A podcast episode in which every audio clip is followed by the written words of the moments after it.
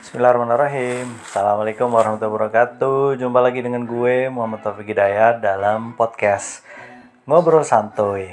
Oke Ini podcast gue buat lagi siang hari ya. Cukup panas ini ya, sambil rebahan di kamar.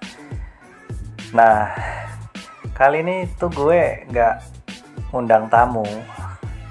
Ya jadi ini juga salah satu permintaan dari teman-teman dari pendengar kalau cerita dong ceritanya cerita diri sendiri ya jangan cerita dari tamu. Biasanya kan dari tamu kan. Terima permintaan dan tantangannya dari teman-teman semua. Gue bingung sih sebenarnya mau cerita apa. Bukan bukan karena nggak punya cerita. Terlalu banyak cerita ya ya maklum lah udah berumur ya udah tua. Jadi udah banyak uh, mengalami banyak kisah-kisah drama-drama ya itu.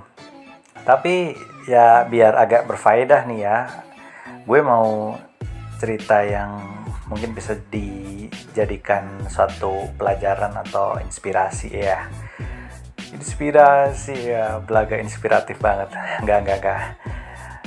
Eh canda canda. Ya gue percaya semua orang itu punya kisah cerita masing-masing ya termasuk gue juga nggak harus terus oh kisahnya yang wow banget. Nggak juga semua kisah itu ya pasti inspiratif ya. Jadi nggak apa-apa. Kalau gue itu bilang cerita gue juga inspiratif. Itu sah saja ya. Semua semua semua itu inspiratif. Udah harus jadi presiden dulu baru inspiratif. Oke udah ngalor ngidul nih. Jadi uh, apa sih yang mau gue bahas kali ini ya yang gue bahas itu mungkin berhubungan juga dengan salah satu ini ya episode yang udah pernah gue bikin kalau yang masih ingat nih uh, tamunya itu Bu Nila atau Bu Rusnilawati ya nah kalau yang belum pernah dengar coba denger dulu ya di episode sebelumnya cari nih yang judulnya kisahku bersama PKM. Jadi gue juga mau cerita ya tentang PKM. Ini cerita yang panjang sih ya kalau ngomong bicara PKM, aduh jadi nostalgia lagi nih masa-masa kuliah waktu S1. Tapi tidak akan sepanjang itu ya. Mungkin sebenarnya kalau kisah PKM gue itu panjang banget. Ya empat tahunan itu ya paling tidak empat tahunan itu yang nggak mungkin dibuat podcast dalam 30 menit gitu kan ini ini secara overall aja lah ya nanti juga mungkin ada episode lain uh, gue bahas PKM di yang tahun berapa tahun berapa kayak gitu atau lomba-lomba karya ilmiah karena kebetulan dulu waktu S1 gue ikut banyak banget uh, lomba karya ilmiah kayak gitu atau yang lebih familiar itu orang awam itu mengatakannya itu PKM. Oke, ini singkat cerita ya. Gue itu tahu karya ilmiah itu sejak SD mungkin ya, sejak SD diawali dari gue itu baca buku di perpus apa ya di perpustakaan SD itu uh, buku kumpulan karya ilmiah. LKI LKIR atau LPIR gue lupa. Pokoknya ada ada dua kan dulu lombanya itu namanya lomba karya ilmiah remaja sama lomba penelitian ilmiah remaja. Itu lomba yang diadain oleh ya pemerintah lah. Dinas pendidikan mungkin itu jadul ya zaman dulu zaman gue waktu SD tahun 2000-an 2009 1990-an sampai 2000-an ya. Gue lulus SD itu 2001 nah uh, itu mungkin itu karya ilmiah pertama yang gue baca ya di situ di perpustakaan itu terus kayaknya kok seru ya uh, apa namanya uh, gue baca tuh seru kayaknya kalau bisa penelitian seperti itu sebelumnya juga gue udah tahu apa itu penelitian apa itu ilmuwan itu di majalah ya karena kebetulan gue itu suka baca. Gara-gara tuh uh, bapak gue tuh suka bawa majalah dari Jakarta itu dan kadang itu ada ya ada lah misal di majalah apa ya lupa. Femina mungkin ya. Bapak gue itu suka bawa buku dan majalah-majalah random kayak gitu yang ditemuin di sana terus dibawa itu. Entah Bobo, Femina dan sebagainya kayak gitu. Femina itu uh, for information Femina itu sebenarnya majalah cewek ya, majalah ibu-ibu kayak gitu.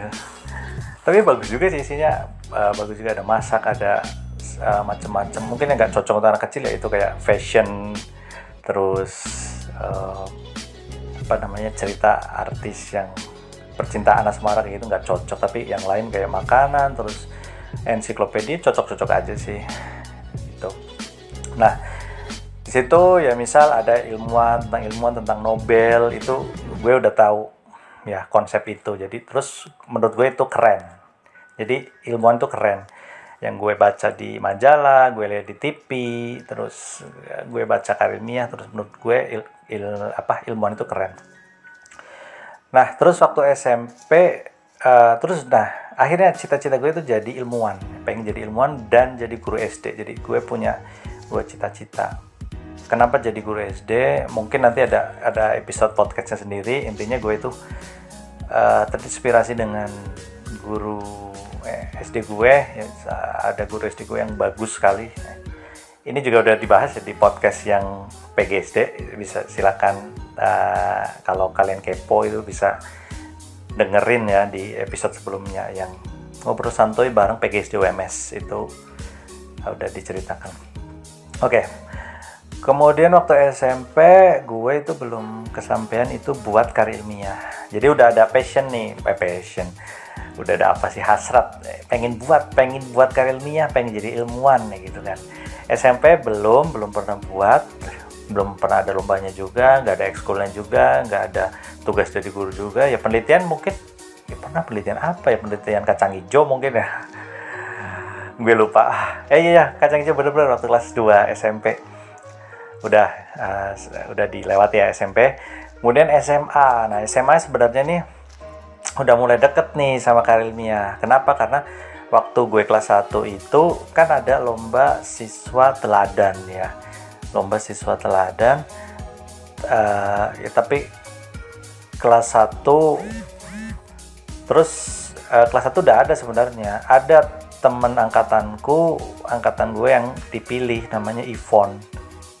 Lupa namanya siapa ya? Ivon Devora kalau nggak salah ya. Dia pinter banget nilai waktu masuk ke kelas 1 juga bagus kan kelas imersi juga jadi bisa castisus bahasa Inggris dia itu dipilih uh, untuk mewakili SMA gue SMA 1 Tegal untuk ikut lomba siswa teladan. Dan salah satu um, kegiatan itu bikin karya ilmiah jadi Ivon itu kelas 1 SMA bikin karya ilmiah uh, gue itu cuma baca di apa ya namanya ya majalah di majalah. Jadi di majalah uh, oh gitu. Jadi sebenarnya kalau gue ikut lomba siswa teladan berarti gue bisa ikut eh, bisa buat karirnya dong itu tapi enggak. Itulah gue enggak bukan apa siswa yang pinter banget di waktu di SMA enggak. Eh, biasa saja lah. Oke terus waktu kelas 2 nih sebenarnya waktu itu ada lomba karir ini tuh waktu di pramuka. Jadi gue itu masuk ini ya eh, jajaran wah elit pramuka nih. Apa sih namanya? Aduh lupa. Um, Dewan Ambalan ya Dewan Ambalan ya Dewan Ambalan gue itu jadi juru uang dua. Walaupun nggak aktif maaf banget temen-temen yang waktu itu jabat sama gue gue nggak bertanggung jawab. Ini jangan ditiru ya. Ya pokoknya ada ada problem lah ada problem. Nah, gue merasa kayaknya nggak terlalu tertarik aktif di pramuka ternyata walaupun waktu itu udah menjabat akhirnya gue nggak uh, vakum ya. Oh, mungkin juga salah satunya ini karya-karyanya ini. Jadi waktu itu tuh ada lomba ya lomba apa ya namanya? Dulu itu masih hmm, ya kayak jambore kayak gitu. Kalau penegak namanya apa ya? Maaf nih ini barangkali ada yang tahu. Bisa di uh, apa namanya? Bisa nanti komentar lah. Gue nggak tahu itu nama ininya apa. Tapi waktu itu ada lomba pramuka di UPS ya di situ ya biasalah seperti kayak jambore lah kalau kalian masih ingat ya ini uh, ini maaf istilahnya salah bukan jambore ya kalau di SMA pokoknya ada lomba di situ ya pasti ada lomba PBB kemudian lomba masak, lomba karya ilmiah juga ada. Nah terus gue tertarik dong, eh kebetulan kan gue uh, salah satu yang akan ikut dong sebagai juru uang dua, maksudnya ya elit tuh ya elit. Uh, pejabat lah jabat lah mesti kan diikut kan masa enggak kan enggak uh, agak lucu. Ternyata enggak ikut enggak jadi ikut jadi SMA gue itu enggak ngirimin kontingen ke lomba di situ di UPR lomba pramuka di UPR situ terus gue kecewa banget mungkin itu salah satu yang buat gue itu nggak aktif di pramuka. Akhirnya ya gagal uh, waktu itu udah sempat buat jadi gue itu pengen buat ini pengen meneliti kandungan yang ada di mana sih beton apa apa itu kan. Kandungan gizi. Jadi intinya gue ingin tahu uh, ingin mendapatkan sumber gizi alternatif selain bahan-bahan yang udah biasa kita makan. Gitu. Tapi hari nggak jadi. Oke. Jadi SMP gagal buat karir ilmiah SMA gagal buat karir ilmiah akhirnya gue lulus SMA daftar di SMA di UNES ya terus di UNES waktu itu um, ospeknya ya ospek. Walaupun waktu itu ya pertama kali angkatan gue itu ospek itu dihapuskan. Sebenarnya bukan ospek dihapuskan sih kegiatan itu masih ada cuma konsepnya berbeda. Jadi kalau sebelum sebelumnya itu sampai cutting di atas gue itu setahun persis di tahun 2007 itu masih ada ospek. Jadi masih ada kegiatan untuk masih baru ya sekitar semingguan lah di kampus. Uh, terus dia uh, ini uh, ya biasa kayak kegiatan ospek ada pelonco ada kakak tingkat yang jahat yang suka apa bentak-bentak terus disuruh bawa syarat aneh-aneh kemudian berangkat pagi nggak boleh terlambat. Pokoknya ada hukuman-hukuman kayak gitulah. Itu nggak ada. Sej uh, itu awal pertama gue masuk UNES 2008 itu pertama kali itu ospek ditiadakan. Adanya namanya PPA apa ya itu kepanjangannya? Pengenalan hmm, apa sih? Pekan pengenalan akademik mungkin ya. Program pengenalan akademik kayaknya. Maaf kalau salah ya. Pokoknya program pengenalan akademik ya itu terus kegiatannya apa? Waktu itu kalau nggak salah tuh e, tiga hari atau empat hari itu kita itu dikumpulin di aula maba-maba itu ya. Di aula di e, kan gue anu PGSD di FKIP ya. FKIP FIP maaf jadi ini jadi ke bawah-bawah ini FIP ya Fakultas Ilmu Pendidikan. Jadi kita maba itu dikumpulin di situ di aula. Kemudian dapat inilah materi kayak materi kuliah kayak materi kuliah umum gitu ya. Pakai kita pakai alma mater ya. Duduk udah. Kegiatannya kayak gitu. Boring? Iya boring. Sebenarnya boring kebetulan gue itu waktu itu duduk di belakang. Jadi kayak agak-agak eh, nggak uh, tertib gitulah biasa lah ya. Kalau apa siswa atau mahasiswa duduk di belakang kan yang paling ribut sendiri. Gitu. Oke singkat singkat singkat lalu singkat singkat. Singkat cerita waktu itu ada materi dari Bu Trimurtini kalau nggak salah. Ini maaf banget. Uh, ini udah gue itu udah lupa itu siapa materinya kalau nggak salah Bu Trimurtini tapi itu waktu itu masih muda banget masih muda banget mungkin baru lulus S2 yaitu dosen muda lah terus yang gue ingat pokoknya beliau itu entah siapa Bu Trimurtini atau siapa ya itu cerita bahwa uh, beliau itu nyal mencalonkan diri jadi presiden mahasiswa. Pokoknya itu yang gue ingat. Nanti gue coba browsing lah apakah Putri Murtinya atau bukan. Tapi intinya itu. Nah, beliau itu ngasih materi karya ilmiah ya. Pengenalan karya ilmiah. Intinya beliau itu cerita bahwa oh di sini tuh ada nah ada program namanya kompetisi namanya program kreativitas mahasiswa PKM dan yang gue langsung weh karya ilmiah nih ini maksudnya salah satu uh, hasrat gue yang belum terpuaskan weh terpuaskan. Kan tadi udah ceritakan SD SMP SMA belum pernah buat kan. Padahal gue itu berpikir bahwa orang yang bisa bikin karya ilmiah orang jadi ilmuwan itu ada cool keren keren banget. Dan gue belum buat jadi itu kayak masih penasaran gitu masih kepo ya kan. Kayak apa sih rasanya jadi keren kayak gitu Oke, Putri Murtini itu ngasih materi tentang itu. Terus yang bikin jelek itu gini, jadi intinya Putri Murtini itu cerita kalau selama ini FIP fakultas gue ya, FIP Fakultas Ilmu Pendidikan itu yang paling tidak produktif, yang paling sedikit ngirim PKM kan, yang paling bagus waktu itu ya apa sih? FBS sama FMIPA mungkin lah ya, biasa. Kemudian FIP paling jelek ya gitu ya intinya. Terus yang lebih jelek lagi apa? Prodi gue itu disebut PGSD itu yang paling tidak produktif. Jadi eh, dan PGSD itu kan dibagi dua ya. PGSD Tegal sama PGSD eh, Semarang. Gue itu di PGSD Tegal. Ya gue yakin lah pasti PGSD Tegal paling jelek paling tidak produktif. Jadi intinya prodi gue adalah prodi yang paling tidak produktif dan paling tidak berprestasi di PKM. Nah itu jelek banget. Jadi tantangan dan juga motivasi bagi gue.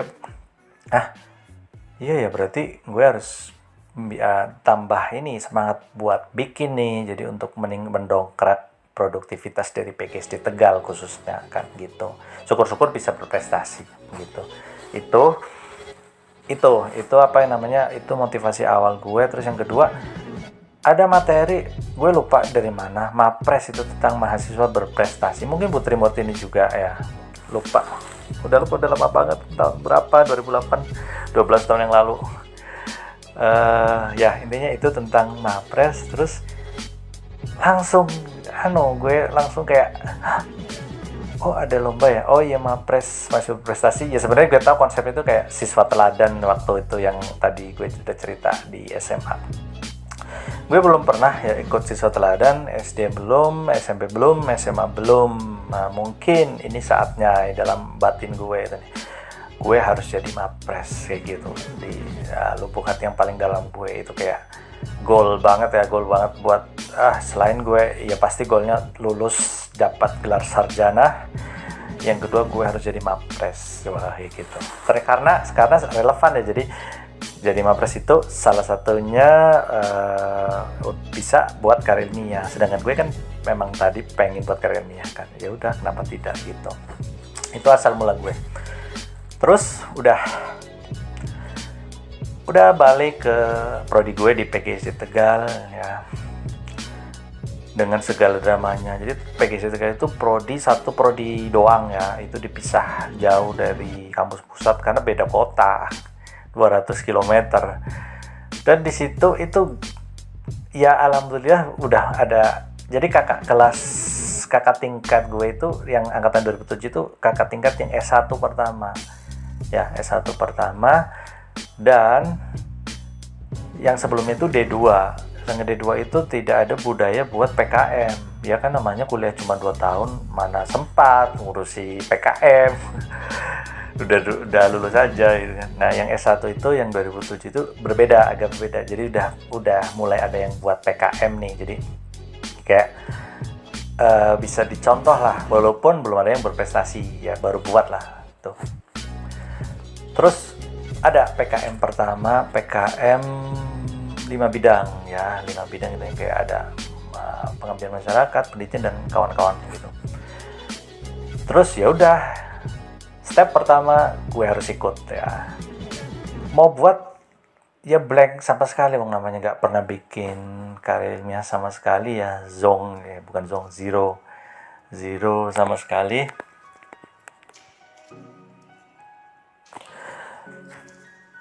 mau buat sendiri nggak bisa. Masih bodoh. Sama sekali nggak ngerti. Akhirnya ya udah mau bikin ini apa namanya gabung pengen gabung sama kakak tingkat nih yang udah lebih pinter nih harusnya.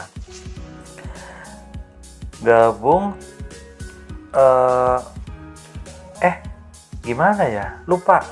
Gue itu kayaknya itu di ini di pertama itu di dibuat tim sama Mas Ali Ali Ahmad Basyari kalau nggak salah Ali Ahmad Basari gue tuh sama siapa gitu.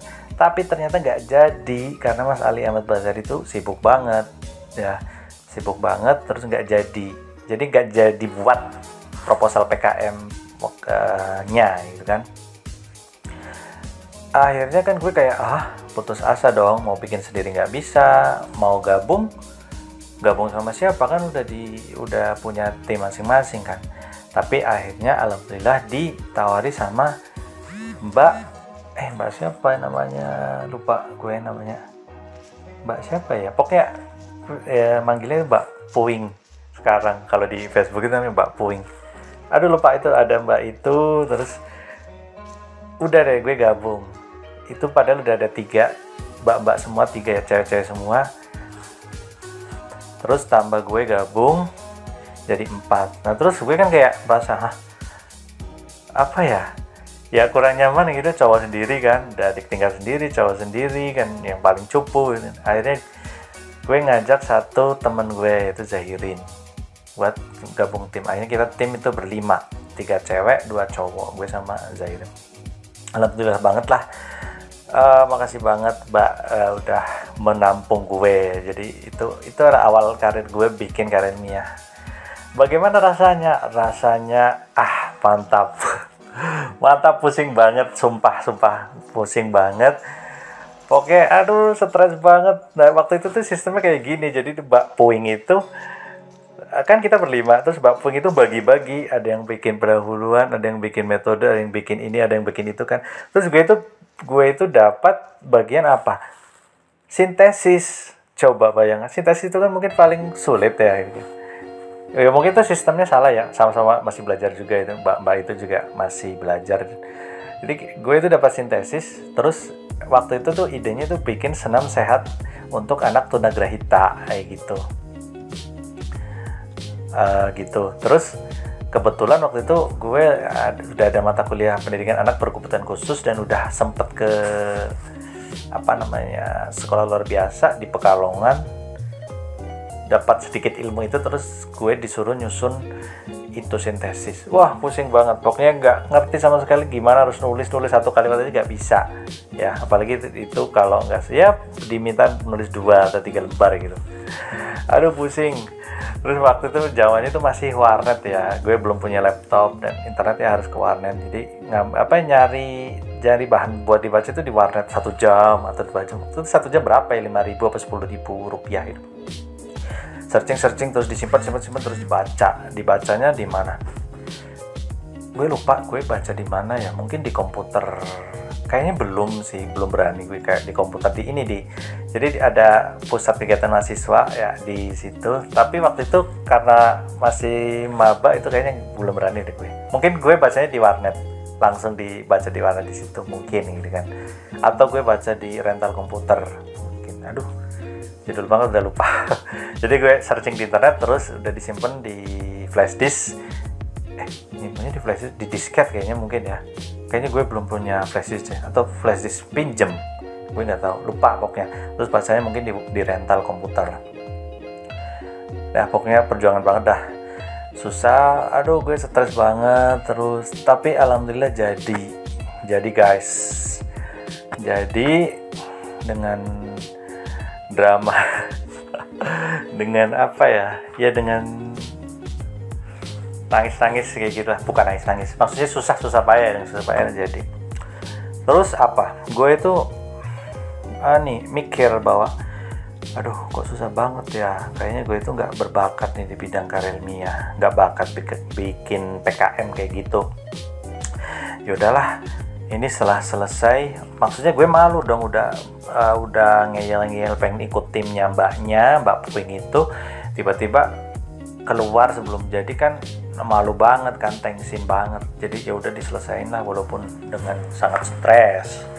Udah selesai jadi tapi gue udah bertekad bahwa ya udah ini adalah karya ilmiah gue yang pertama dan terakhir karena gue nggak berbakat bikin karya ilmiah itu. Titik udah udah selesai alhamdulillah dijilid kemudian ya biasa itu waktu jilid ngirim itu juga ada drama-drama minta stempel minta tanda tangan dosbing kemudian ngirim ke Semarang titip ke siapa kemudian ke apalagi kita ya yang dari kampus jauh ya yang Tegal ke Semarang itu kan nggak semudah yang di kampusnya memang di Semarang kan ibaratnya uh, langsung kita kan butuh satu hari lah perjalanan satu harian lah ke ini ke Semarang. Total maksudnya bukan bukan berarti Tegal ke Semarang satu harian enggak sih. Waktu naik kereta ya berapa sih? Tiga, tiga jam lah gitu. Udah jadi. Udah gue ini kapok kapok kapok banget. Tapi ada cerita. Nah waktu itu tuh reuni reuni SMA reuni SMA terus uh, intinya gue waktu kelas 3 itu ya boleh dibilang ya nggak bodoh-bodoh amat lah. Uh, nilainya cukup bagus-bagus ya.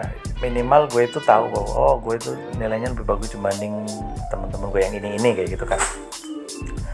Nah waktu reuni SMA itu ya waktu itu habis lebaran kalau nggak salah gue itu eh jadi mereka itu kayak pada cerita kayak gini eh lo bikin PKM berapa kayak gitu kan. Itu pertanyaannya bukan pertanyaannya bukan eh lo bikin PKM apa enggak? Gitu kan. Tapi lo bikin PKM berapa?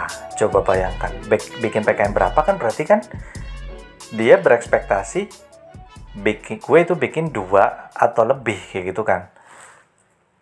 Dan yang gue itu kayak tertampar itu mereka itu kan dulu teman-teman itu ya itu ya kalau kalau ngomong dari nilai itu nilai-nilai pelajarannya waktu SMA atau sederhananya gue lebih pintar lah dari mereka gitu kan. Karena gue nilainya atau rankingnya lebih bagus dari mereka. Ternyata itu mereka bikin dua tiga empat ya gitu kan. Gue kayak tertampar banget. Gue kan ya SMA gue paling tidak lebih pintar lah dari mereka. Kok gue anu kalah? Aduh ya, tertampar banget. Terus akhirnya uh, tekad gue yang udah kapok bikin karirnya gue anulir ya gue tarik jadi nggak ini bukan masalah bakat. Gue harus bisa. Mereka bisa gue juga bisa. Gue harus bisa lebih uh, lebih bisa dari mereka. Gue akan buktikan gue bisa buat uh, lebih dari satu dan berprestasi. Kayak gitu. Ini udah deh balik berkarir di bidang karir minyak lagi. Udah terus akhirnya gue ini singkat aja ya mungkin nanti uh, ada episode lain lah untuk yang penasaran sama cerita gue lebih detail tentang karya tertentu di karya gitu ya. Oke, gara-gara itu yaitu jadi titik balik gue untuk kembali menekuni bidang karya ilmiah, kemudian balik lagi uh, mencapai cita-cita gue pengen buat yang bagus, berprestasi dan jadi mapres, ya mungkin jadi mapres pertama di PGSD kayak gitu kan. Itu. Akhirnya gue bikin, bikin lagi, bikin lagi, bikin lagi semester 2, 3, 4, 5 waktu itu ada lomba ada lomba ya lomba di fakultas itu nggak pernah menang belum pernah menang kayak gitu. Tapi ya udah nggak apa-apa. Jadi sebenarnya goal gue itu udah tercapai untuk buat itu sudah tercapai karena gue udah buat beberapa proposal PKM beberapa kali kayak gitu gue punya goal lagi jadi nggak hanya bisa bisa buat tapi juga berprestasi. Itu belum tercapai karena prestasi semester 5 semester 6 nggak pernah berprestasi. Uh, ya gimana ya? Uh, sedih juga sebenarnya. Artinya kayak uh, apa ya namanya gue itu udah berkecimpung di negara ini tapi belum pernah menang. Sedangkan sedangkan waktu itu misal angkatan gue ya misal Tiffany dan kawan-kawan itu pernah juara juara tiga tingkat fakultas PKM GT waktu itu. Terus mbak siapa lupa itu juara dua atau juara satu. Jadi aduh agak malu juga gue masih kayak ini sebagai aktif Taufik sebagai aktivis karya ilmiah yang udah apa udah lawas gitu tapi belum ada prestasi yang signifikan gitu kan. Oh iya ada lagi uh, waktu itu juga posisinya gue udah semester 6 kirim proposal PKM juga belum pernah ini belum pernah lolos didanai dikti kayak gitu. Jadi kayak hah? Aduh malu lah lah malu ya kan. Walaupun kadang gue mikir ya memang gak harus berprestasi itu kan rezeki gitu kan. Yang penting kan gue udah berusaha maksimal mungkin tuh sedangkan angkatan gue misalnya Zahirin saja ya waktu itu tuh boleh dibilang itu Mas Zong di bawahku tentang karya ilmiah ya gue juga jelek di karya ilmiah tapi Zahirin lebih jelek lagi kayak gitu kan. Itu di ini dapat dapat dana dari ini dari dikti dari uh, proposalnya didanai sehirin kemudian welas ya Allah teman-teman gue teman-teman deket gue pada dapat ya. Welas jadi gue itu kayak aduh sedih banget. Apa salah gue ya Allah? Kenapa? Kayaknya maksudnya kayak istilah tiada usaha mengkhianati has eh, tiada hasil mengkhianati usaha sorry aduh malah kebalik. Itu kayak gak berlaku. Uang gue itu yang paling semua orang itu juga tahu ya kan? Terutama kata gue kalau gue itu yang paling ambisius di karya ilmiah di PKN yang paling rajin gitu kan eh tapi belum ada prestasi. Proposal belum pernah didanai. Kemudian uh, lomba PKM GT tingkat fakultas juga nggak menang. Kayak gitu. Jadi aduh sedih lah akhirnya. Uh, sedih dan malu. Tapi ternyata wah ini ternyata alhamdulillah itu ada hikmahnya. Jadi ya benar sih. Uh, intinya benar ya hasil tidak mengkhianati usaha. Semester 7 wah itu udah semester akhir ya semester 7 karena gue itu masih penasaran banget ya maksudnya kok belum berprestasi kayak gitu kan. Sedangkan teman-teman gue udah banyak yang berprestasi lah di PGC Tegal gitu kan. Uh, gimana ya? Kadang juga mikir ini bukan masalah ambisi pribadi juga ya. Gue juga pengen buktiin sama adik-adik tingkat kalau sama orang gitu kan sama keluarga gue kalau maksudnya gak ada pengorbanan atau gak ada pengorbanan yang sia-sia lah. Jadi gue itu pengen buktiin bahwa ya udah gue itu banyak berkorban banyak bekerja keras gitu kan itu uh, harusnya ada hasilnya lah gitu. Beda sama temen-temen gue misalnya yang tidak ada kerja keras dalam karya ilmiah ya maksud gue ya. Itu ya mereka nggak dapat hasil ya wajar kayak gitu. Atau ada yang mungkin ikut ikut berkecimpung juga karya ilmiah tapi tidak se fight se apa namanya sekeras gue dalam apa sih meraih itu. Itulah pengen gitu. Nah terus semester 7 sebenarnya di gak harus semester 7 sih waktu itu semester 6 aja itu sebenarnya kalau di PGC 3 itu udah udah gimana ya anak semester 6 itu nggak ada yang aktif di karya ilmiah karena uh, fokus sudah fokus mulai fokus sudah semester tua udah skripsi kayak gitu kan. Itu semester 6 itulah. Tapi gue karena masih penasaran belum berprestasi ah gue masih tetap kekeh untuk aktif di uh, bikin PKM dan karya tulis ilmiah. Terus udah nggak apa-apa bodo amat. Pokoknya gue aktivis PGC Tegal Karin Media yang paling tua waktu itu lah biar.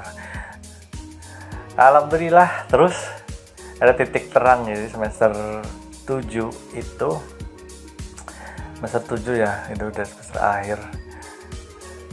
Eh gue itu ini agak gimana ya kesal. Karena kenapa kenapa proposal gue atau apa sih namanya judul PK, PKM gue itu nggak pernah menang atau didanai. Terus yaudah gue bikin mungkin karena gue pikir karena oh ini karena temanya pendidikan pendidikan waktu itu ya. Ini sorry ya ini personal opinion aja personal opinion aja waktu itu kayaknya bidang humaniora itu nggak terlalu dilirik apalagi pendidikan. Waktu itu kan masih digabung kalau sekarang udah dipisahkan sosum sama saintek di, di PKM ya di Pimnas itu ya. Jadi konteksnya waktu itu digabung dan kayak judul soshum yang lolos itu dikit deh gitu. Terus akhirnya gue ah yaudahlah gue mau bikin tema lain.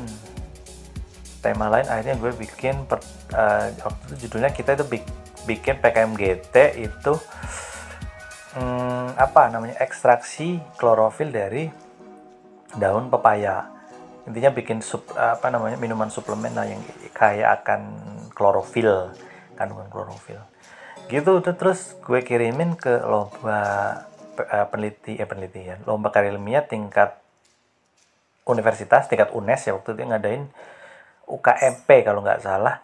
Itu ternyata lolos final jadi lolos final jadi masuk 10 besar kalau nggak salah 10 besar ya Allah gue itu aduh antara gimana ya alhamdulillah akhirnya akhirnya bisa netes juga prestasi di tingkat uh, dan di, itu tingkat UNES ya tingkat universitas ya which is lebih sih namanya tinggi dibanding yang lomba-lomba fakultas itu.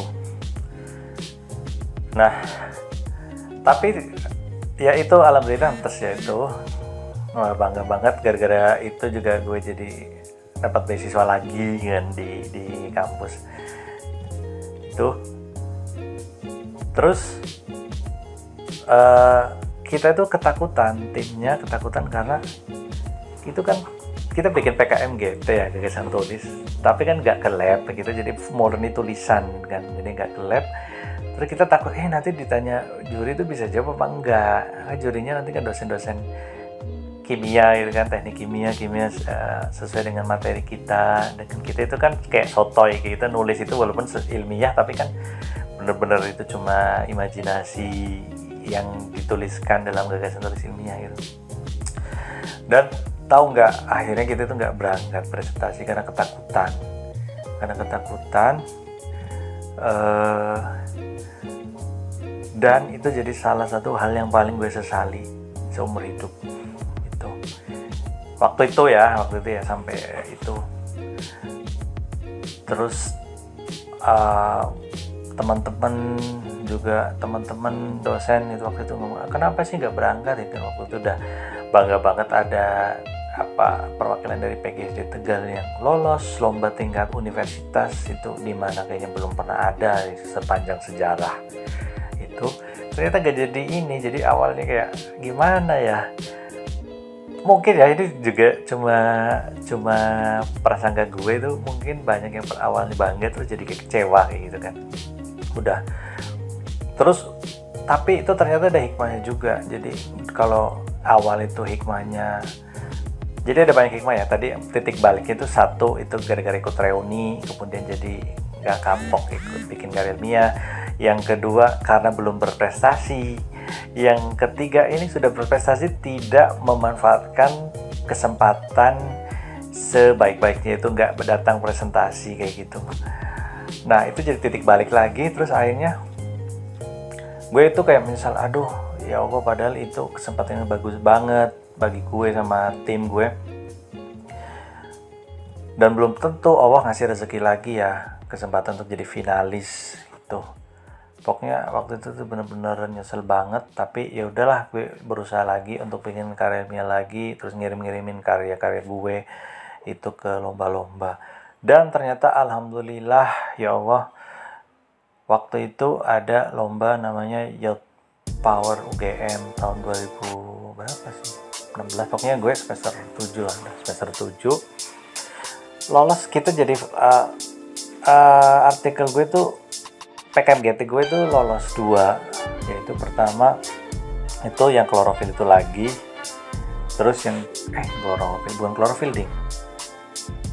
Bukan yang klorofil eh, jadi eh, ini apa apa uh, oh iya alat kontrasepsi. Sorry alat kontrasepsi dari apa sih bunga sepatu kalau nggak salah buat cowok.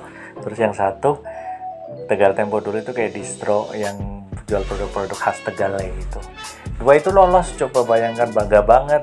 Dan tingkat nasional aduh aduh. Merinding lah ini apa sampai sekarang aja. Gimana kayak senyum-senyum diri kalau masih ingat itu dan itu ya Allah mengukir sejarah banget. Dia bisa lolos uh, lomba final tingkat nasional dan karya ilmiah. Coba Alhamdulillah Allah masih ngasih rezeki ke gue. Ya, setelah gue mengecewakan Allah yang tidak berangkat presentasi itu yang tingkat UNES ternyata sekarang diberi amanah dua dua paper gue itu lolos tingkat nasional di satu lomba yang itu yang sama. Youth Power UGM coba guys UGM loh ini salah satu kampus terbaik Indonesia lah. Jadi ya bergengsi banget. Dan gue udah memutuskan di dalam hati gue bahwa gue nggak boleh mundur lagi. Cuma orang bodoh dong yang udah apa ya namanya dikasih kesempatan lagi terus mundur. Terus hmm, alhamdulillah jadi mungkin nanti ada episode episode tersendiri ya gue bakal bahas itu. Alhamdulillah kita bisa berangkat target kita tim itu ke situ pokoknya kita berangkat mau menang mau kalah yang penting jangan malu-maluin udah kayak gitu toh. Alhamdulillah iya gak menang sih waktu itu. Uh, gue masih ingat peringkatnya loh jadi waktu itu ada 40-an finalis kalau nggak salah. Yang satu peringkat 11 yang satu peringkat 14 ya lumayan lah itu tingkat nasional gitu kan. Bangga banget apa di UGM dan bahagia lah pokoknya di situ saya ketemu sama mahasiswa-mahasiswa seluruh Indonesia dengan alma mater yang beda-beda. Pokoknya itu salah satu pengalaman uh, kuliah gue yang gak terlupakan alhamdulillah banget udah itu di UGM terus alhamdulillah lolos lagi di UI di UI ya Allah di UI dan apa berangkatlah gue sama tim waktu itu. Cewek-cewek semua jadi gue cowok sendiri cowok sendiri terus ceweknya berapa? Tiga kalau nggak salah Agnes. Uh, lupa pokoknya ada tiga. Di UI itu namanya MIPA untuk negeri nama lombanya. Nah itu pun seneng banget seneng banget bangga banget karena di dari UNES itu yang lolos itu cuma dua. Tim gue sama tim ada siapa sih namanya? Lupa pokoknya uh, Indri Indri apa ya? Lupa namanya dari FMIPA dan tapi dia itu juara gila. Juara dan terus dia ikut lomba lagi ke internasional. Waktu itu ke mana sih? Polandia kalau nggak salah. Habis itu uh, kuliah di luar negeri di Inggris kalau nggak salah. Berarti itu yang itu keren lah pokoknya. Itu lomba itu FIPA untuk negeri. Jadi alhamdulillah ya di masa-masa akhir gue di semester 1 itu bisa ngerasain jadi finalis tingkat nasional di dua kampus top Indonesia UGM sama UI belum belum pernah menang tapi alhamdulillah udah finalis. Udah jadi finalis berarti di un, di tingkat UNES tadi kemudian di UGM dan di UI tingkat nasional juga alhamdulillah jadi kayak doa gue itu udah terkabul. Jadi finalis itu bagi gue udah prestasi. Ya meskipun belum meraih piala tapi jadi finalis juga susah gengs. Nah, dari ratusan naskah yang masuk lah. Tuh dan udah pokoknya bangga banget udah bahagia banget lah. Terus uh, selain dari UI itu waktu itu uh, ini juga menarik sih nanti episode episode sendiri ya yang di UI itu.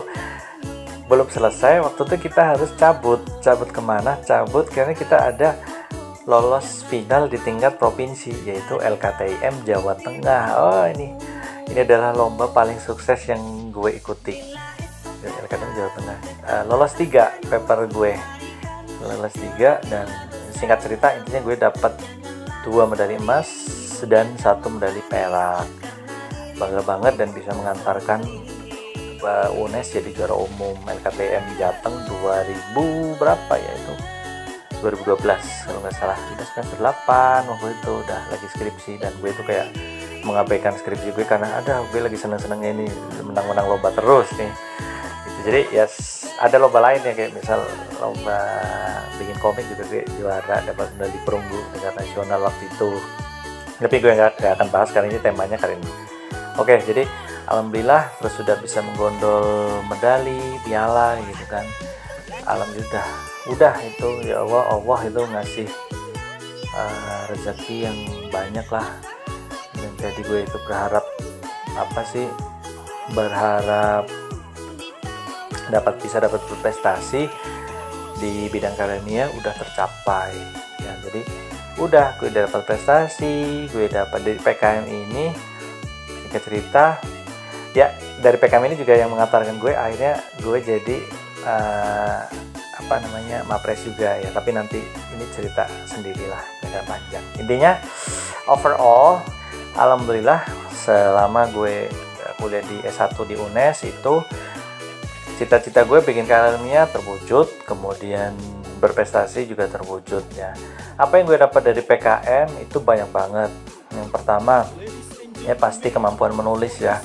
Di situ kemampuan menulis kita bisa mengasah otak kita untuk berpikir kritis dan kreatif. Pada itu alhamdulillah bisa jadi bekal banget setelah lulus uh, di pekerjaan ya di dunia nyata di masyarakat sama di pekerjaan itu jadi otak jadi makin pinter yang pasti ya. Terus yang kedua uh, di PKM itu gue juga jadi apa ya social skill gue itu jadi meningkat lah jelas. Karena satu ya ini jangan ya kalian tuh bayangkan itu bikin PKM itu sama seperti bikin misalnya ngerjain tugas kuliah. Beda.